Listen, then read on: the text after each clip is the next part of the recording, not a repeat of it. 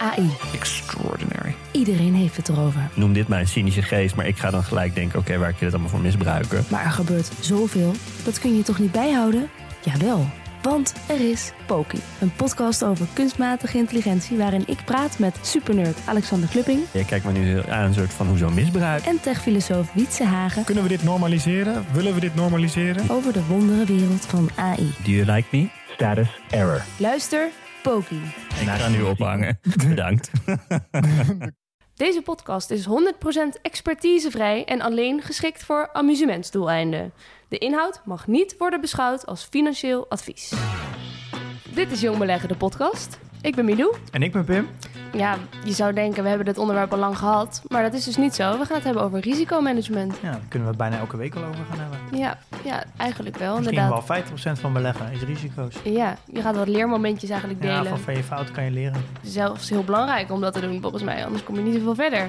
En nou ja, we hebben het dus heel veel over volatiliteit. Ja, en eh, China komt nog voorbij. Jij gaat uitleggen waarom een slecht bedrijf een goede deal kan zijn en eh, een goed bedrijf een slechte deal.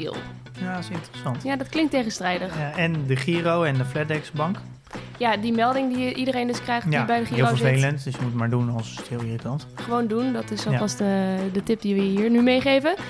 Pfizer komt waarschijnlijk met een natuurlijk. We vaccin. kunnen binnenkort weer een biertje doen. Hoera! Zin in? Nou, laten we beginnen. Ja, laten we dat doen.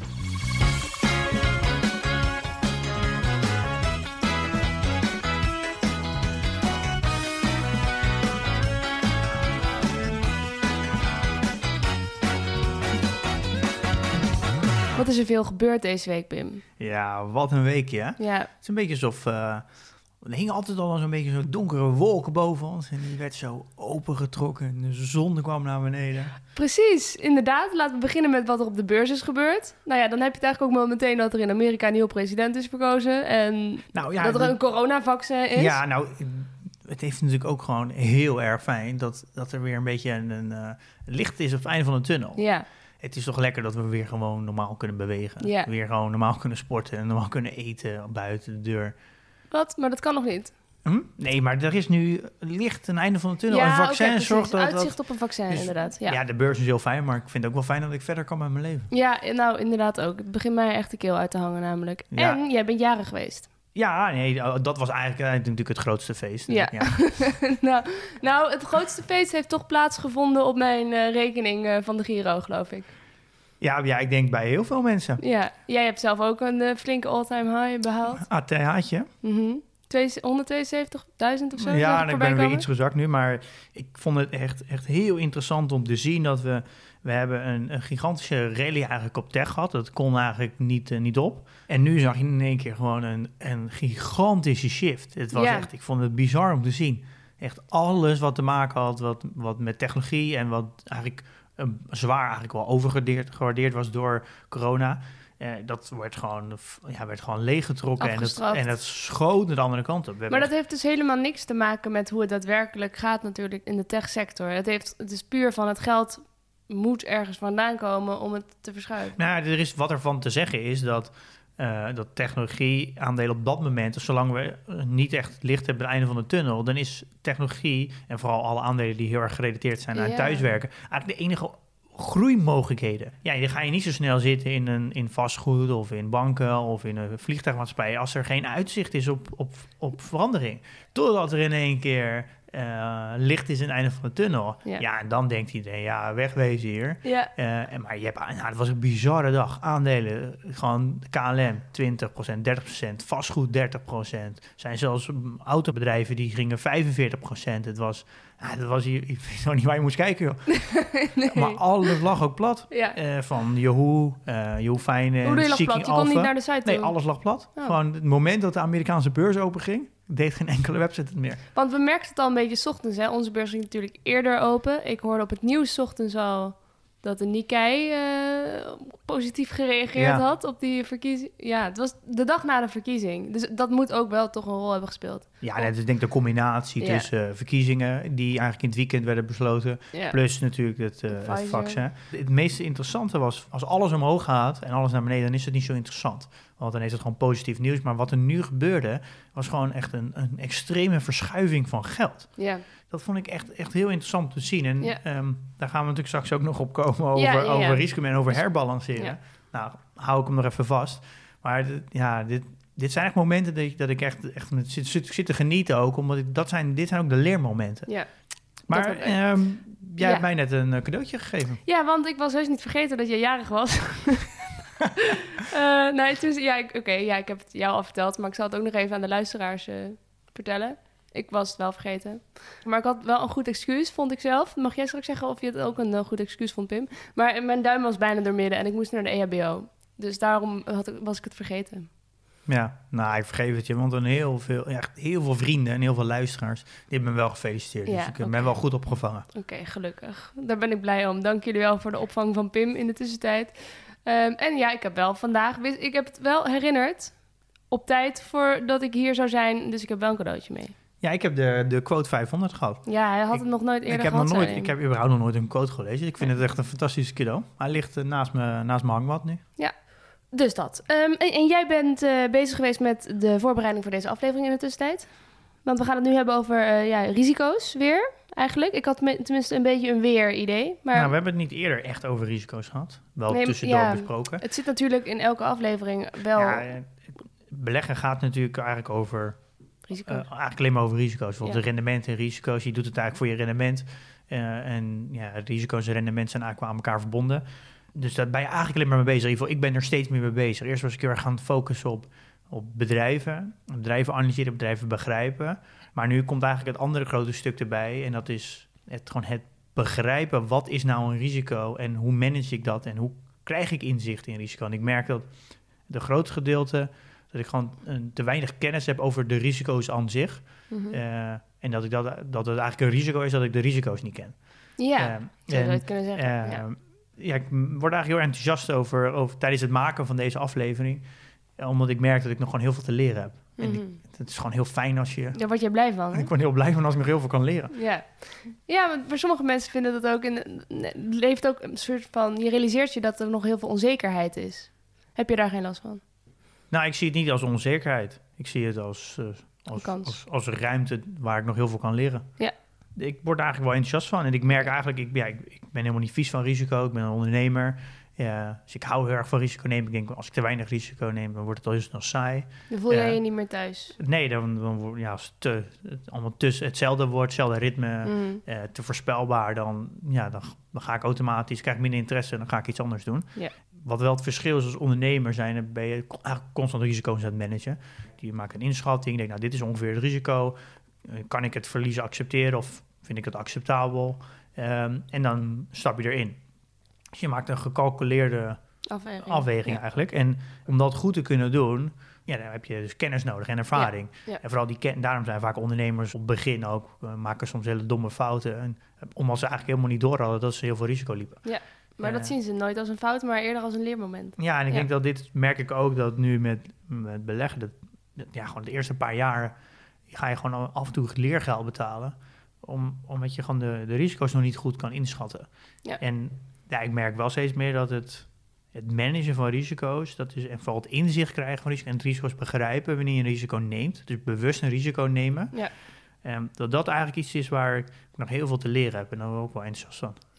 En we, afgelopen afleveringen leer ik eigenlijk vooral dat eh, risico lopen onlosmakelijk verbonden is met rendement behalen.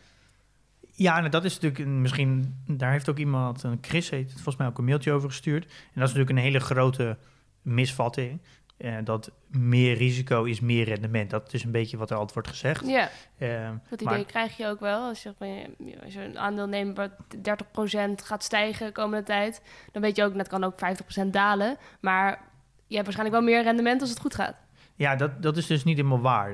Je moet het een beetje zo zien dat meer risico is kans op meer rendement. Oké, dus niet rendement per se, maar de kans erop. Nee, ja, en er is wel een, eh, eh, dat is misschien wel goed, het is jammer dat we natuurlijk nu audio doen, maar Howard Marks, dat is een eh, hele bekende belegger, een beetje een soort van een Warren Buffett beheert, ook een heel groot fonds. Mhm. Die heeft daar ook een hele mooie video eh, eh, over gemaakt. En dat heet Risk Revisit Again. En die, die legt dat principe uit van ja, hoe werkt risico nou? Dus risico en return. Daar heeft hij een mooie tekening voor gemaakt. En dat klopt inderdaad dat, dat je uh, als je meer risico neemt, dat je kans hebt op meer rendement. Maar hij schrijft het eigenlijk zo. Het verwachte rendement stijgt als je meer risico neemt. Maar het bereik van mogelijke uitkomsten wordt groter. Dus het, het, het goede en slechte resultaten worden erger. Dus dat is wat er gebeurt eigenlijk. Je moet het een beetje zo zien dat als je, ja, hoe meer kans je hebt op rendement, ook hoe meer kans je hebt om het juist te verliezen. Ja. Je Dus uit- je hebt eigenlijk ook kans op minder rendement. Ja, dus je uitkomst, eh, hoe meer risico betekent dat de uitkomst wijder is. Ja. En zeg dat je als je een heel defensief neemt, dan is je uitkomst bijvoorbeeld min 2%, plus 2%. Ja. Eh, en als je heel, heel veel risico neemt, dan kan de uitkomst plus 30 zijn en bijvoorbeeld min 40. En het betekent ook niet zo dat als je heel veel risico neemt, dat, het plus 30 is, min 30. Nee, Het is altijd min meer zijn, dan ja. plus. Oké, Ja, dat is waarom een- is dat? ja, dat is wel een, dat is wel een- want timing is, wordt dan in één keer heel belangrijk. En dat is misschien wel een, er staat ook een tabelletje. Eh, en ja, ik kan gaat- wel echt aanraden om die grafiek even te bekijken, want ik, dan volg je het echt beter. ja, die, graf- ja, ja, hoe ga je een grafiek in audio goed uitleggen? Pak hem er even bij, staat op de site toch? Ja, op Ja. de site staat hij. En daar zit ook een tabel bij. En daar, dat geeft wel heel veel mooi inzicht. Want als je 10% verliest, Ja. dan hou je dus 90% over. Maar, eh, maar dat is op dat moment dan gewoon weer 100%. Dus als je dan... Huh? Wacht, huh? Als je 10% verliest, dan haal je 90% over, maar dat is dan weer 100%? Ja, wat ik daarmee bedoel is dus als je eerst, als je bijvoorbeeld eh ehm, 1000 euro hebt en je verliest 10%, dan heb je dat met eh 900 euro. Ja. Dus voor de volgende beursdag is dat gewoon weer je 100%. Ja, oké. Eh, dus als je dus weer op die 1000 moet uitkomen, Ja, dan kan je niet de 10% daarna de volgende dag omhoog gaan. Want dat betekent dat je 900 hebt, ja. 10% erboven, heb je 990. 990. Dus je moet dus 11,1% stijgen Ja, op, om op die 1000 uit te komen. Nou, en dan komt het interessante. Dat denk je, nou, 1,1% valt wel mee. Maar trekken we dat even door naar 20% verlies, betekent dat je 25% moet groeien. Nou, als we dat helemaal doortrekken, dan kom je op een gegeven moment, als je 50% verliest, moet je 100% winnen. Om Ja. weer op hetzelfde uit te komen. Dus als een aandeel heel eh volatiel is en hij gaat in één keer, eh, nou bijvoorbeeld, even kijken, 40% naar beneden, ja. dat betekent dat je daarna moet je dus 66,7% stijgen om op het beginbedrag uit te komen. ja. En eh, dit houdt eigenlijk in dat bewegelijkheid eigenlijk een, daardoor veel groter risico, maar dat is zeker niet betekent dat je meer rendement hebt. Want de timing wordt in één keer belangrijk. Kijk, Als je eerst een hele grote piek omhoog maakt en je gaat daarna naar beneden, is het anders dan als je eerst naar beneden gaat, want dan kom je het bijna niet meer goed maken. Ja, je, je realiseert het helemaal niet zo van tevoren. Tenminste, ik niet. Maar die verdomde volatiliteit altijd. Ja, en dat is, kijk, volatiliteit is natuurlijk ook een kans, want daardoor kan je natuurlijk, eh, als iets flink naar beneden gaat, eh, instappen. Eh, en dan, als het dan flink omhoog gaat, natuurlijk veel rendement te pakken. Ja, Maar de timen Is heel belangrijk. wordt dan veel belangrijker. ja. En als we één ding wel weten, is dat timen extreem moeilijk is. Ja. Als je dat, dat principe goed begrijpt, dan krijg je in één keer de quote die Warren Buffett altijd zegt, als eh, een van de belangrijkste quotes die hij altijd zegt. Mhm. Eh, rule number one, don't lose money. Rule number two, never forget rule number one. Ja. En ehm, ja, dat klinkt natuurlijk, dat was altijd zo van, ja, natuurlijk, je moet geen geld verliezen. Maar als je dit principe in één keer begrijpt, snap je ja, ik veel snap het wel, maar hoe ga je voorkomen dat je geld verliest? Nou, wat hij eigenlijk zegt, dat is heel logisch. Dat als je eenmaal geld verliest, dus je gaat eh, in de min, dan kost het extra veel moeite Om het weer te verdienen. Ja, om het weer te verdienen. ja ik had die Eh, laatste dus met... je, je grootste risicobescherming is eigenlijk gewoon nooit geld verliezen. Dus nooit onder die nul Ja. komen. Dus Ja. gewoon elk jaar, het is beter om elk jaar een klein beetje rendement te maken dan, dan waar je jaren Ja. waar je naar 10%, 20% plus en de jaren daarna weer 15% naar beneden gaat. Ik had er laatst met iemand een gesprek over. Die zei, als je na de, nou, in de financiële crisis net was ingestapt... toen het heel slecht ging, in 2000, na 2008... dan ben je de eerstvolgende tien jaar bezig met dat verlies goed te maken. Dan maakt het dus eigenlijk heel veel uit op welk moment je Nou, gaat waar, beginnen. dat is niet waar? Nee. Oké. Waarom niet? Nou, om, Want stel nou dat we volgend jaar in een financiële crisis belanden... en mensen stappen dan net in... dan is dit wel eigenlijk wat, wat we zeggen. Van je, zit, je maakt verlies en dan moet je dat gaan goedmaken. En daar ben je dan echt wel een tijd mee bezig... om dat verlies te boven te komen. Ja, nee, ja, maar dat is niet helemaal waar. Omdat namelijk, er zit er een heel groot verschil tussen als, als alles naar beneden gaat. Je Eh, winnaars en verliezers. Ja, kijk, volatiliteit zit hem ook gewoon in individuele aandelen. En niet, eh, dit, dit praten we niet over de hele markt. En het is nog steeds, als we in de financiële als we echt allemaal naar beneden gaan, dan gaan de volatiele aandelen veel harder naar beneden dan de defensieve aandelen. Ja. ja, maar dan heb je alsnog Ja. een verlies wat je goed moet maken. Ja, Ook natuurlijk, maar het verschil is dan dat natuurlijk de hele wereld het verlies moet goedmaken. Ja. En dat zie je natuurlijk bij corona ook, gingen we ook allemaal 30 naar 40 naar procent naar beneden. Ja. En de verlies is ook weer goed gemaakt. Omdat namelijk bij een, een echte flinke dip, echt een crash, dan is die verliezen die worden gemaakt, zijn die, die zijn eigenlijk irrationeel. Die, gaan, die zijn nergens op gebaseerd. Die zijn gebaseerd op angst. Ja, Dus Ja. crashes zijn altijd heel erg eh, ja maar e- op misschien is het emotie dan, gebaseerd. dan niet voor deze discussie, maar bij de financiële crisis van 2008 was er wel daadwerkelijk iets. Nou, maar, mis. nee, maar dat is nog steeds als je naar de rendementen gaat kijken. En wat heb ik van de week ook een paar mailtjes over. Mensen kijken altijd naar de AEX als het gaat om rendementen. Dan pakken ze een, eh, een periode, 2010 tot en met eh, 2020. En dan zeggen ze, ik pak ze de AEX en zeggen ze, ja, je- wat je zegt klopt niet. Want als je naar de AEX kijkt, dan zie je dat je bijna geen rendement hebt gepakt. Maar, en dat heeft misschien, denk ik, waar jij mee gesproken hebt, ook gedaan. De AEX is geen, is geen herbe, herbelegde index. Dus dat houdt in dat alle dividend die uitgekeerd wordt, Ja, en die wordt niet herbelegd. Nee. Waardoor er natuurlijk geen een goed beeld geeft, want de dividend wordt niet meegenomen. ja. Ze wordt alleen maar koerswinst gepakt. Nou, de AX bestaat nu wel steeds meer, maar vooral eh, afgelopen 20 jaar vooral uit dividendbedrijven. Dus eh, de grote bedrijven waren Shell en Unilever, Mhm. nou, dat zijn dividendbedrijven. En als je die dividend zou herbeleggen, wat, wat je natuurlijk mee moet nemen, dat is rendement, dan moet je naar de AEX GR krijgen, gross return. Mhm. En dan kom je eruit dat je van 2010 tot en met nu, dus 1 januari 2010 tot en met heden, 158% rendement hebt gepakt. En daar moet je naar kijken. Oké. Eh, dus, en dat is ook, eh, ik, op Volkskrant heb ik ook een keer een artikel neergestuurd. Daar had Ja. iemand dat ook gezegd. En die pakt gewoon verkeerde...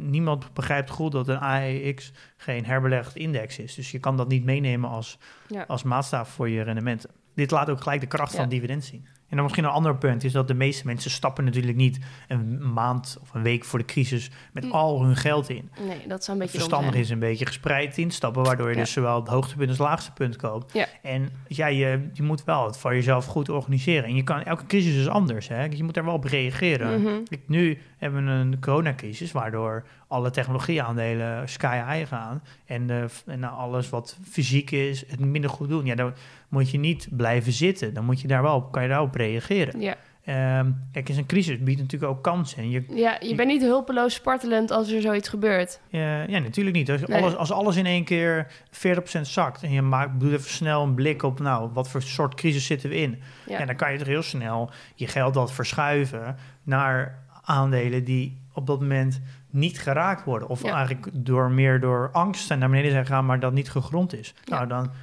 verschuif je, nou, dat was heel veel mensen nu gedaan. Die hebben dat allemaal in deze crisis allemaal verschoven naar technologie. En nu begint dat langzaam weer te kantelen. En dan verschuift het weer terug. Het is ook gewoon het herbalanceren Ja. van, je, van je portfolio. Ja. ja, is misschien wel een mooi bruggetje naar, eh, naar het stukje herbalanceren. Ja. Ja, ik heb bijvoorbeeld altijd gezegd dat ik ongeveer 30% groei wil en 70% eh, dividend. ja, Nou, dat is jouw ik- strategie. ik, vond ja. dat op, ik, ik heb dat eigenlijk een beetje, een beetje laten gaan, omdat ik vind eigenlijk dat ik dat net, net even te veel dividend vind en te veel groei. Daarom heb ik dat niet gehergebalanceerd. Maar ik merk nu de kracht van herbalanceren. Ik Dus heb- heb je spijt dat je niet geherbalanceerd hebt? nou, ik, ik had eigenlijk moeten herbalanceren. Op welk moment? Neem ons eens even mee. Nou, denk ik gewoon, denk ik ongeveer tussen nu en twee maanden terug. Ja. Ehm, en Omdat je zo hard gegroeid was met je eh, groeibedrijven, dat ze een substantieel groter deel uit ja, maken van je een groter portfolio. deel dan ik had afgesproken met mezelf. Ja. En ja, ik heb er ook een, dus ook een mooie video heb ik gezet op de website. Daar wordt duidelijk als je const, als je elke kwartaal herbalanceert, heeft het heeft een echt een substantieel invloed op je rendement. Echt Positief heel, ja, heel erg invloed, ja.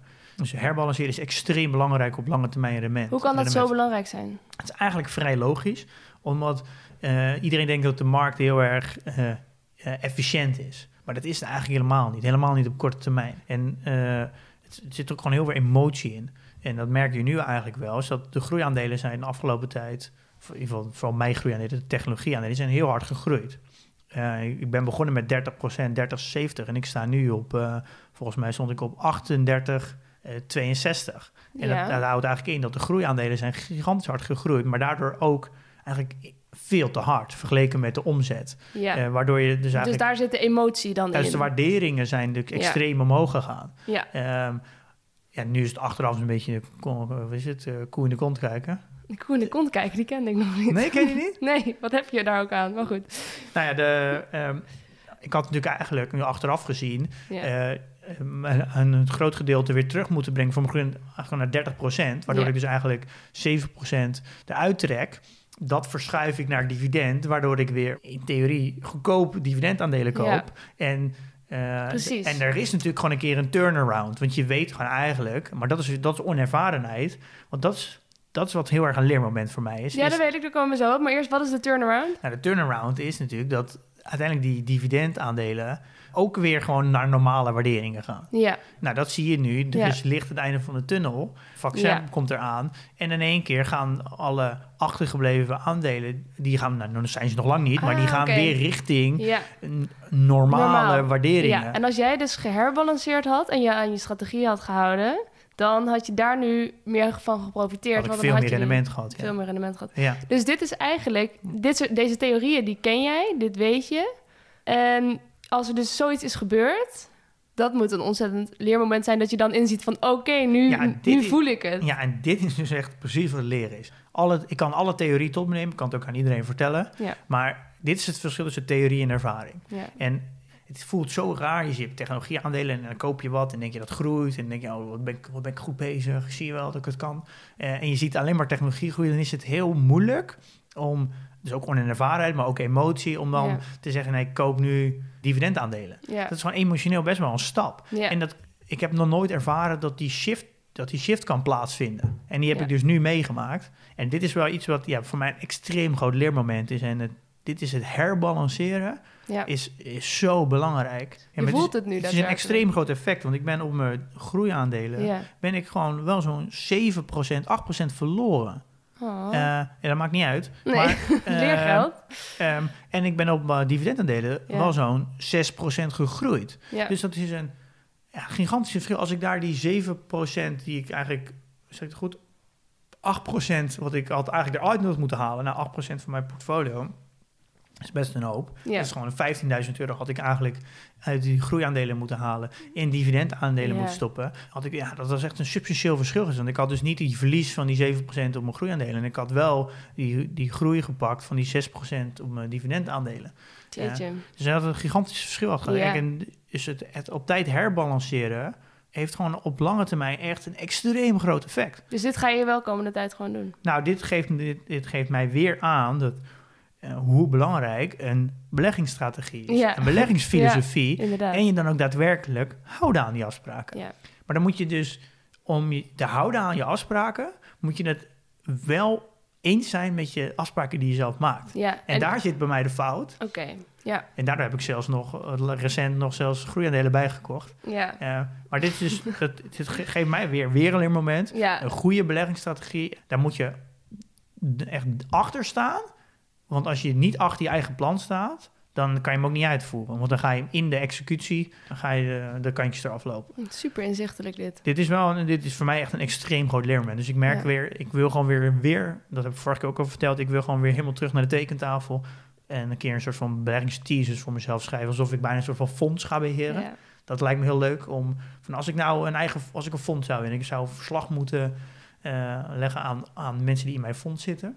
Hoe, ja, wat, hoe ga ik dat dan vertellen? En dan ga je, dus zo wil ik het aanpakken, zodat ik het ook met mensen kan delen.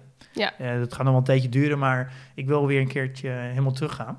Je hebt ook wel gezegd dat je dus nog vindt dat je veel te veel bedrijven hebt in je portefeuille. Ja, kijk, dat is ook, is ook weer een stukje risicomanagement. Is dat spreiden is, is gewoon een heel belangrijk onderdeel.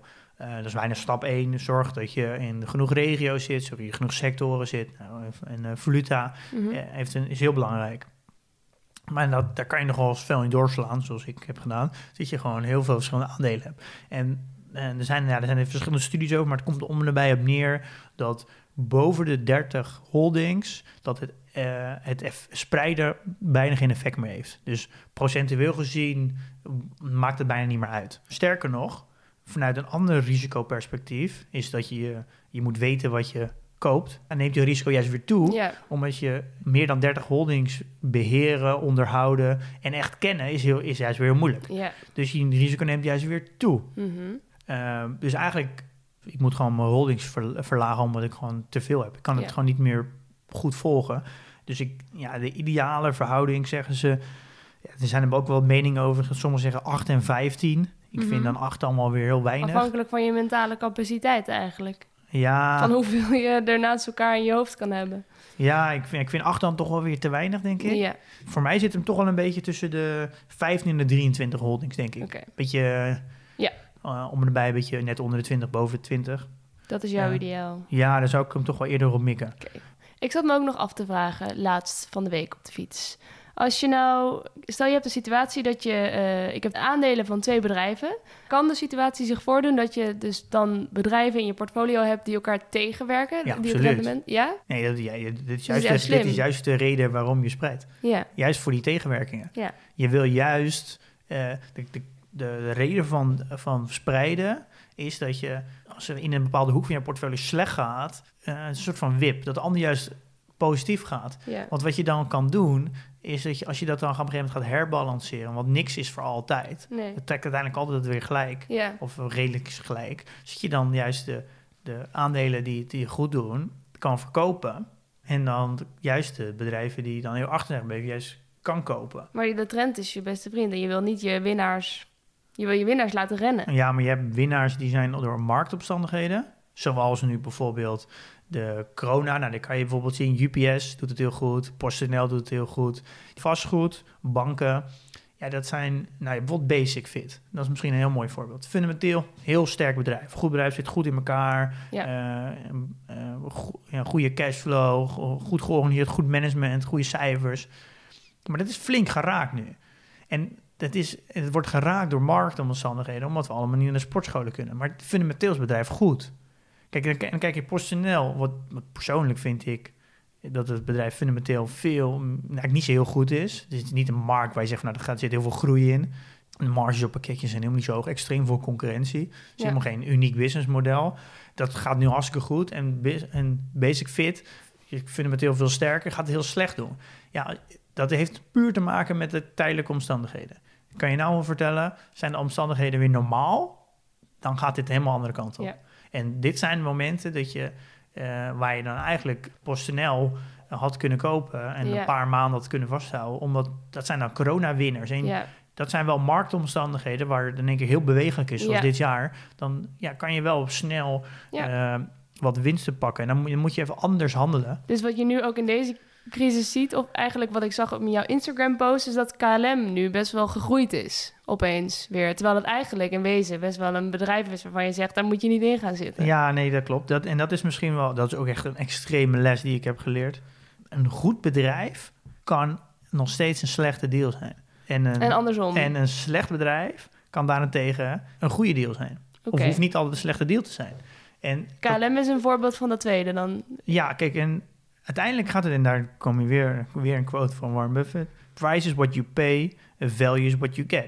Dat is weer zo'n quote dat je denkt, ja, lees je, snap je niet, maar nu Nee. snap ik het. Uiteindelijk gaat het niet alleen op de kwaliteit van het bedrijf, maar gaat ook om de waardering. En dat is wel iets waar ik, denk ik, te weinig naar gekeken heb. Als ik nu terugkijk naar, naar de afgelopen half jaar, ben ik te veel bezig geweest met het analyseren van bedrijven. En als, een bedrijf, als ik een bedrijf echt fundamenteel goed vond, de emotie kwam naar boven. En dan werd ik ja, blij van dat ik zo'n goed bedrijf had geanalyseerd. En dat, dat, dat het bedrijf zo goed in elkaar zit, daar werd ik blij van. Ja, En dat ik dan eigenlijk het stukje waardering niet genoeg heb meegenomen. nee, dus dat, dan gaat het om dat je het eigenlijk misschien op een verkeerd moment dan Nou ja, ik denk koopt. dat nou, Fastly is wel een mooi voorbeeld. Is gewoon heel duur.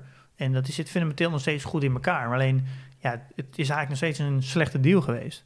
Omdat het gewoon te duur was. Ja, Eh, en dat kan je bijvoorbeeld bij KLM. Ja, ja, nu is het dan even anders, maar als we dan even twee weken teruggaan. KLM is natuurlijk gewoon slecht bedrijf. Dat wil je gewoon eigenlijk niet in zitten. Dat is natuurlijk eigenlijk gewoon dramatisch. De, de overheid Mhm. zit er aan alle kanten zit in. geen toekomst in. De, nou, ja, de vliegmarkt moet nog maar zien of dat aan gaat trekken. Er is überhaupt nooit winst gemaakt met de hele vliegtuigsector bij elkaar. Ja, KLM heeft de hoogste kostenpost. Ja, ik, Piloten, dus ja, ik, je ziet gewoon, ik zie daar gewoon echt Nee, dat gaat gewoon de komende vijf jaar geen, geen winst gemaakt worden. Dat Nee. is gewoon, en de vraag is überhaupt of dit überhaupt niet een staatsbedrijf gaat worden. Ja. Ja, al- alles gaat op rood. Mhm. Maar het kan steeds een goede belegging zijn, vooral op korte termijn, omdat het aandeel gewoon zo extreem goedkoop Ja, is. omdat het gaat over verwachtingen en niet over wat er daadwerkelijk in de praktijk gebeurt met een. eh, Ja, maar, Ja, soms, ja, maar soms kan een bedrijf nog zo slecht zijn. Maar als het zo goedkoop is, kan je er nog steeds eh, eh, op verdienen. Kijk, dus, nou ja, kijk, als je KLM volgens mij eh, in een week tijd volgens mij is van 30% omhoog gegaan. Ik zeg niet dat het zo blijft, maar dat had natuurlijk, als je nu terugkijkt, had, het een, had, het, had je een goede deal gehad. ja, Ik vind iets wat ik, waar ik meer ga kijken naar waarderingen. Ik ga veel meer kijken naar de, naar de timing van kopen. Ja. Dus als het bedrijf gewoon te duur is, ook is het heel goed, dan koop ik het gewoon niet. nee. Price Ja. is what you pay en value is what you get. Ja, Nemen we mee voor de toekomst. Oké, nou, ik denk ehm, dat we wel weer door kunnen, toch? Of niet? Ja. Ben je nog wat kwijt? Nou ja, we hebben. Dat is grappig dat, we, dat ik eigenlijk nog, een, nog iets van zeven, acht andere onderdelen had van over hoe we risico's kunnen managen eh, en waar je op moet letten. Eh, maar daar hebben we eigenlijk helemaal geen tijd meer voor. Dus misschien moeten we dat in een andere aflevering doen. En nu ging het veel meer over om mijn eigen bevindingen. Ja. En misschien nog wel een eentje die ik nog wel wil vertellen. En die zijn heel erg recent. Prozus is flink gezakt van de week. Echt flink. Oh. Eh, Alibaba is ook echt flink gezakt. Oh ja, we hebben het vorige En- aflevering over gehad. Ja, echt flink gezakt. En ik heb Ja. best wel veel berichten gekregen. Waarom is dat nou gezakt? Ja, Want het Pim, was echt is jouw schuld. extreem gezakt. En ja, nou, een van de risico's, van de risico's die ik net noemde, die we niet gaan bespreken, is politieke risico. Het voorbeeld wil ik nu even noemen, omdat het namelijk heel mooi laat zien wat de gevolgen zijn van een politiek, dat politiek ook een risico is. Ja, De overheid in China, die hebben deze week aangekondigd dat ze de Chinese toezicht overweegt eigenlijk om de nieuwe antitrustregels voor online platformen te veranderen. Dus die gaan veel strenger worden. Eerst was die Chinese overheid liet eigenlijk alle fintech-bedrijven en eh, online platformen een beetje gaan. Die ging dat niet reguleren eh, om te laten groeien. En ze beginnen nu, gaan ze een beetje de, de regels veranderen en de regels scherper maken. En dat zorgt ervoor dat eigenlijk alle online platformen, Tencent, nou die zit, eh Proces is voor een groot gedeelte Tencent, Alibaba en zo. En nou, Ant Group zijn ze, gaan ze ook flink reguleren. Ze willen Ant Group dus meer gaan zien als een, als een bank, financiële instelling in plaats van fintech, waardoor Mhm. de waarderingen in één keer heel anders zijn. Dus alle, alle platformen in China, die zakken in één keer gewoon up in één keer 7, 8 procent in een dag. eh, omdat de Chinese overheid, dus de politiek, eh, gaat zich ermee bemoeien. En die gaat andere regels eh, creëren. ja. En dit is dus een extreem gevaar. maar en dat dit, is niet altijd te voorzien. dat nee, dit is de reden waarom je dus maakt. ook moet spreiden over meerdere regio's, Ja. meerdere landen. Eh, en dat politiek dus echt een, echt een risico is. Ja, en vooral in landen zoals een, China, waar je een dictatuur hebt. Misschien ik ook wel Turkije en zo, waar ze dus ook helemaal niet fatsoenlijk omgaan met de lira. ja. Rusland. Eh dus heb je gewoon wel meer landen in de wereld waar er best wel rare sprongen gemaakt kunnen worden. Moet, ja, dat is gewoon een groot risico dat je moet incalculeren. Ja, zo zijn er veel meer andere risico's die ik ook Ja. nog kan doornemen. Misschien maar, kun je ze op de site zetten alvast. Kunnen mensen erover lezen en dan kunnen we er later nog een keer op ja, terugkomen. misschien is het want later ja, weer op terugkomen. Maar dit, deze was wel heel actueel. En ik, wat ik Zeker. me ook wel heel leuk lijkt, om een keer een complete aflevering over China te maken. Maar Oh, dan, ik ook. Heb maar dan moet echt gedaan. met een, eh, met een gast erbij, want ik weet echt... ik weet een hele goede gast. Heb ik een keer eerder gehad. Oké, gaan we even achteraan. Oké, is goed. Dan de PDT-update. Ja, ik wil even twee updates uitlichten. We hebben het product vertaald naar het Engels. En niet alleen vertaald, maar we hebben, eh, we hebben ook, ja, noem je dan, een, eh, een taal toegevoegd. Als je in, vaak een applicatie voor het eerst maakt, dan ga je dus alle tekst die je ziet in, in je applicatie, die is vaak noem je hardcode. Dat zit gewoon verweven in de code. Ja, En wat we nu hebben gedaan, is we hebben eigenlijk alle tekst uit de code gehaald. En in een apart systeem gezet. Waar we dus nu heel eenvoudig talen kunnen toevoegen. oké. Dus nu kan je als, eh, als, als gebruiker van het product een vlaggetje selecteren welke taal je wil. En dat kwam eigenlijk vanuit Jaap uit de community. Die, eh, eh, die woont volgens mij in Singapore, is een Nederlander, maar heeft een in ieder geval niet-Nederlandse vriendin of vrouw. En die wilde ook meekijken, maar die kon Oh, ook geen Nederlands. Dus die had gevraagd of we het naar het Engels konden maken. Ja. Dus we hebben het nu ook in het Engels gemaakt. Ah, super. En dit biedt natuurlijk ook ja, gelijk een basis om in de toekomst het natuurlijk te vertalen naar, eh, naar Frans. Of nou, we hebben ook heel veel Belgen, dus misschien Frans en misschien een keer Ah, Duits.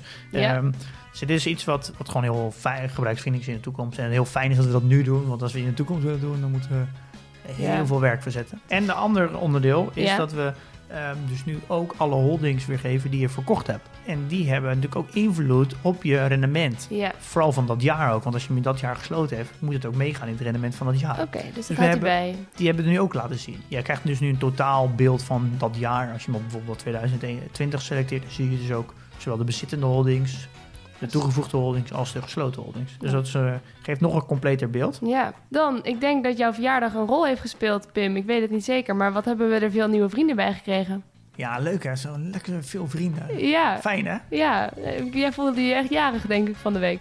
Eh, want we hebben nu erbij Danique, Mees, Tristan, Nadine, Gorgio, Daan, André, Jordi, David, Anne, Emily, Liam, Dirk, Paul, Sjoerd, Sam, Ilko, Tim, Kars, Peter, Inge, Jonas, Thijs, Wendy, Stefan, Jordan, Peter, Lotte, Iris, Manon, Thijs, Niels, Mike, Thijs, Frans, Cel, Farida, Ruben, Marcel, Wieger, Jelle, Dimitri, Ruben, Wendy, Mark, André, Maarten, Tubby, Andries, Tam en Anne. Ja, wat lief jongens. Bedankt voor eh, het worden van vriend van de show. Ja, heel leuk. ik kan ook niet wachten dat, eh, dat het virus weg is. Want ik wil heel graag... Iedereen zien. Ik wil gewoon een keer een live uitzending maken. Oh, dat lijkt me... Met alle vrienden erbij. Oeh, ik heb daar wel eh, dan- connecties voor. En Ken je Podcast en Chill? Dat is, eh, zij doen live podcasts, eh, evenementen. Dat is echt, dat gaan we een keer doen. Ja, en dan alle vrienden erbij. Dan Ja. gaan we live een podcast opnemen. Dan kunnen we misschien wat mensen aanschuiven die iets vertellen over, over hun eigen portfolio. Ja, leuk. Lekker even een biertje doen, gezellig. Ja, Alweer oh, kom dat maar weer. Oh, Oh. mis ik dat. Oké. Nou, Goed, dan gaan we door naar het nieuws. Ja, corona natuurlijk, dat vaccin van Pfizer. nou ja, moeten we daar nog wat over zeggen? Volgens mij niet, hè? En dan eh, was er nog een ander nieuwtje wat ik zou willen voorleggen. Ik kreeg ook een vraag over via Instagram. Ehm, want nu, als je dus een rekening bij de Giro hebt, dan vragen ze, krijg je een melding van open hi- hier een nieuwe rekening of zoiets. Zo'n soort melding. En dan moet je dat invullen voor eind dit jaar. Kreeg de vraag of dat wel veilig is, eigenlijk. Ja, hier heb ik ook heel veel berichtjes over gegeven. Dus het is goed dat je dit nu... eh, Ja, want Nu als ik erop ga googlen, dan vind je ook niet echt iets erover. Eh, ook niet dat het een scam is of weet ik veel wat. Maar ja, je nee, denkt toch van, wat is dit? Ja, nou, ik zal het even kort uitleggen. Ja. De Giro is overgenomen door FlatEx. En FlatEx is een Duitse broker met een banklicentie. Maar Giro heeft geen banklicentie. Mhm. Dus wat Giro eh altijd deed, die mag dus geen geld stallen. Nee. Dus je, er, je hebt dus geld op je, noemen ze dan vrije ruimte.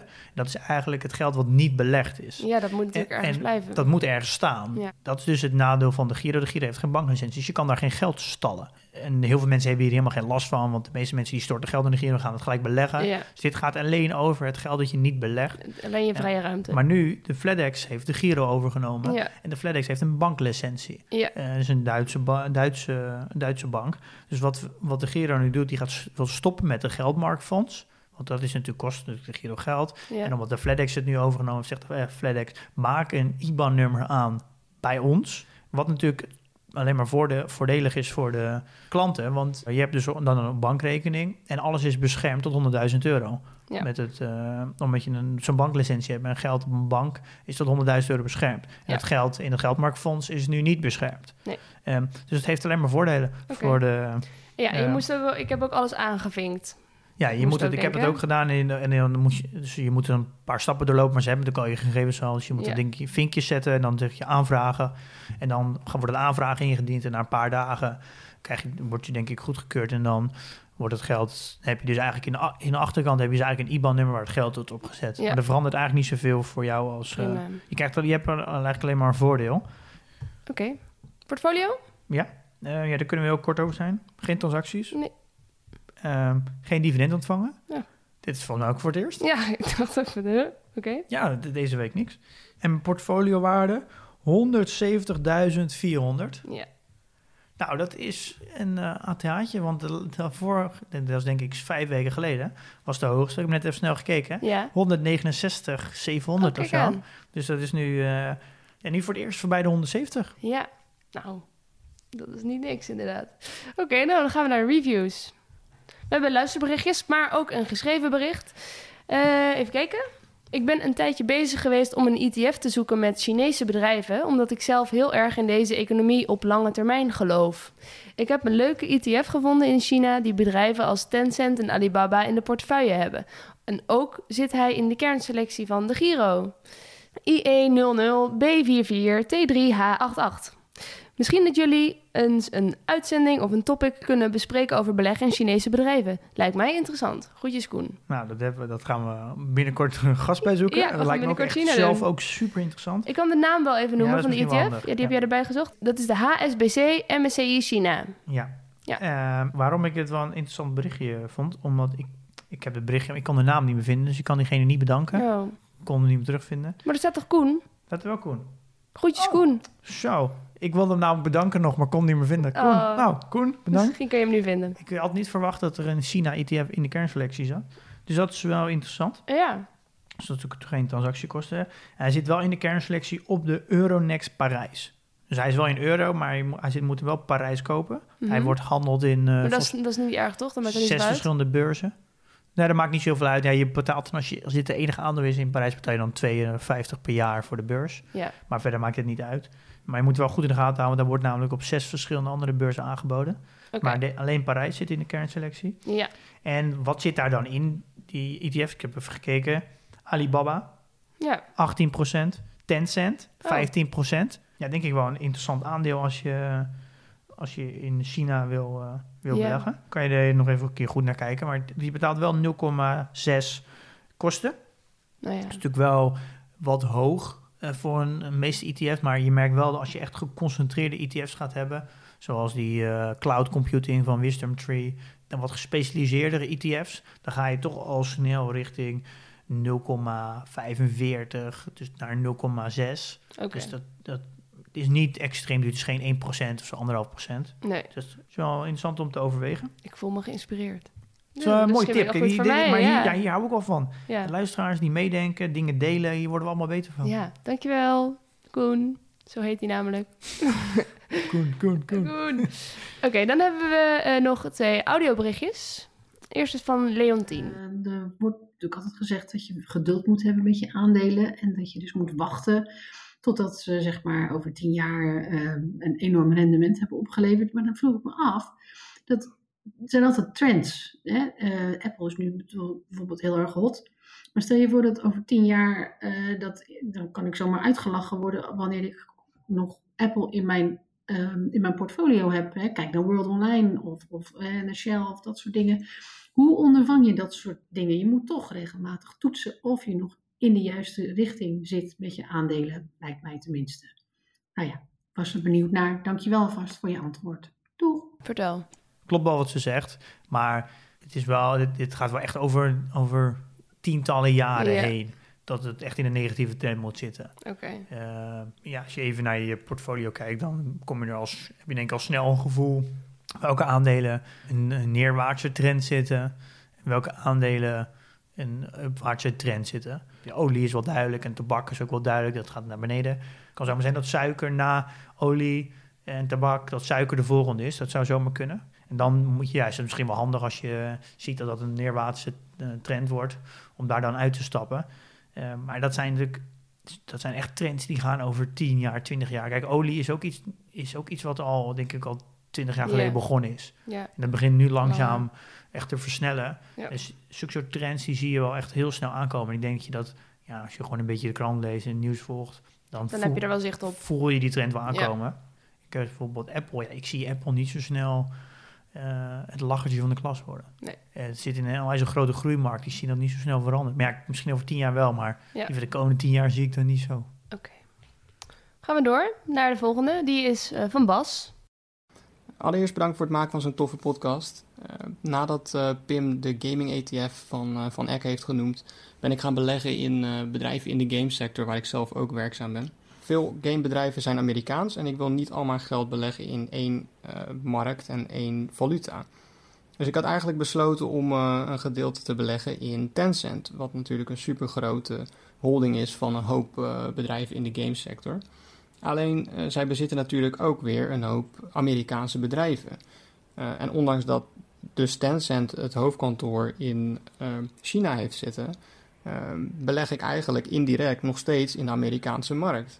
Eh, maar vraag is dan ook: is het eigenlijk wel relevant in welke regio het hoofdkantoor van een bedrijf zit? En hoe kom ik er nou achter als ik in Tencent beleg waar precies mijn belegging van afhankelijk is? In welke regio of welke valuta zit ik nou eigenlijk precies? Dankjewel en uh, ga vooral zo door met de podcast. Ja, wat je altijd ook kan doen is naar de Investor Relation page gaan van uh, bijvoorbeeld Tencent. En dan kijken, daar is niet altijd, maar vaak splitsen ze daar de omzet ook wel. Vaak ook wel in regio's. Mhm. Dus kan je een beetje zien uh, ja, waar ze een omzet vandaan hebben, welke regio's. En soms wordt er ook wel eens een splitsing gedaan in valuta. Uh, dat ligt een beetje aan elk. Sommige bedrijven doen dat wel, sommige bedrijven niet. Bijvoorbeeld bij bedrijven als Apple en Coca-Cola en zo is dat heel goed te zien uit welke delen van de wereld de omzet komt. Het is goed om wel in de gaten te houden waar komt dan echt de omzet vandaan en uh, welke valuta exposure hebben ze. Want als, ja, bijvoorbeeld zo'n bedrijf als Shell, dat zit in de hele wereld, heeft te maken met allerlei valuta's. Uh, dus daardoor dek je ze eigenlijk al een beetje in tegen valutakoersen, omdat ze namelijk alle, allerlei soorten valuta ontvangen. Waardoor het zich namelijk uitbalanceert. Het hoofdkantoor van Shell staat in, Amst in Den Haag. Maar dat maakt natuurlijk minder uit. Het is natuurlijk een. Net als Ahold zit natuurlijk in Nederland. Maar 60% van de omzet komt uit Amerika. Door Amerikaanse supermarkten. Dus het, is, het wil niet zeggen dat als je in Ahold belegt, dat je dan alleen maar in Nederland zit. Nee. Of in een beetje in België. Ja, die heb je ook 60% in Amerika. Dus je moet altijd wel kijken naar waar de omzet vandaan komt. Oké. Al moet je wel rekening Ja. houden dat als je natuurlijk alle hoofdkantoren uit Amerika hebt, dan is het natuurlijk wel, zijn die bedrijven uiteindelijk wel afhankelijk van de, van de politieke omstandigheden in dat land. Dus Ja. daardoor is het wel fijn om wat spreiding te hebben over meerdere regio's, waardoor je minder afhankelijk bent van een bepaalde politieke stroming. Precies. Oké, ehm, nou, dan zit deze aflevering er alweer op, geloof ik. En volgende week gaan we het hebben over financiële onafhankelijkheid dus, eh, die FIRE-beweging. En daarvoor hebben we Ernst-Jan Fout. Ja, waar staat FIRE voor? Financial Independence, Retire Early. Ja. Ja, dus vroeg met pensioen. Hoe doe je dat? Ja, hoe ga je dat doen? Nou, we gaan, eh, we gaan er eh, gasten voor uitnodigen. Ja, Ernst-Jan Fout weet daar blijkbaar alles vanaf. Ja, die weet er heel veel vanaf. Is natuurlijk de Eh, oprichter van de correspondent, ja. samen met Rob hij schrijft heel veel over FIRE. Eh, over vooral financiële afhankelijkheid en Ja. gebalanceerd leven. En hoe ga je om met, eh, met, met kosten. Ja, Eh, en dan denk ik vooral het besparen ervan. En we gaan kijken of we een bruggetje kunnen bouwen naar, naar beleggen. Want Ja. meer sparen is meer beleggen. ja, nou, leuk. Ik heb er echt zin in. Voor ons ook de eerste keer, hè? Dus wij moeten ook nog een beetje zoeken naar... ja, wat, onze wordt, eerste gast. wat wordt onze spiel met gasten? En ik hoop dat hij een beetje chill tegen ons zit. Ja, we moeten hopen dat wij een beetje chill tegen hem. Ja, dat ook. M- Moeten we nog vragen of luisteraars misschien vragen hebben? Dat ze die Eh. kunnen insturen? Oh ja, dat is wel een goed idee. Ja, dus heb je nou een vraag voor Ernst-Jan Fout? Of over financiële afhankelijkheid. Ja, over het onderwerp. Mail ons dan. En dan rest ons nog één ding. Ja, het slot. Ja. Toch? Ja. Investeer in je kennis en beleg met beleid.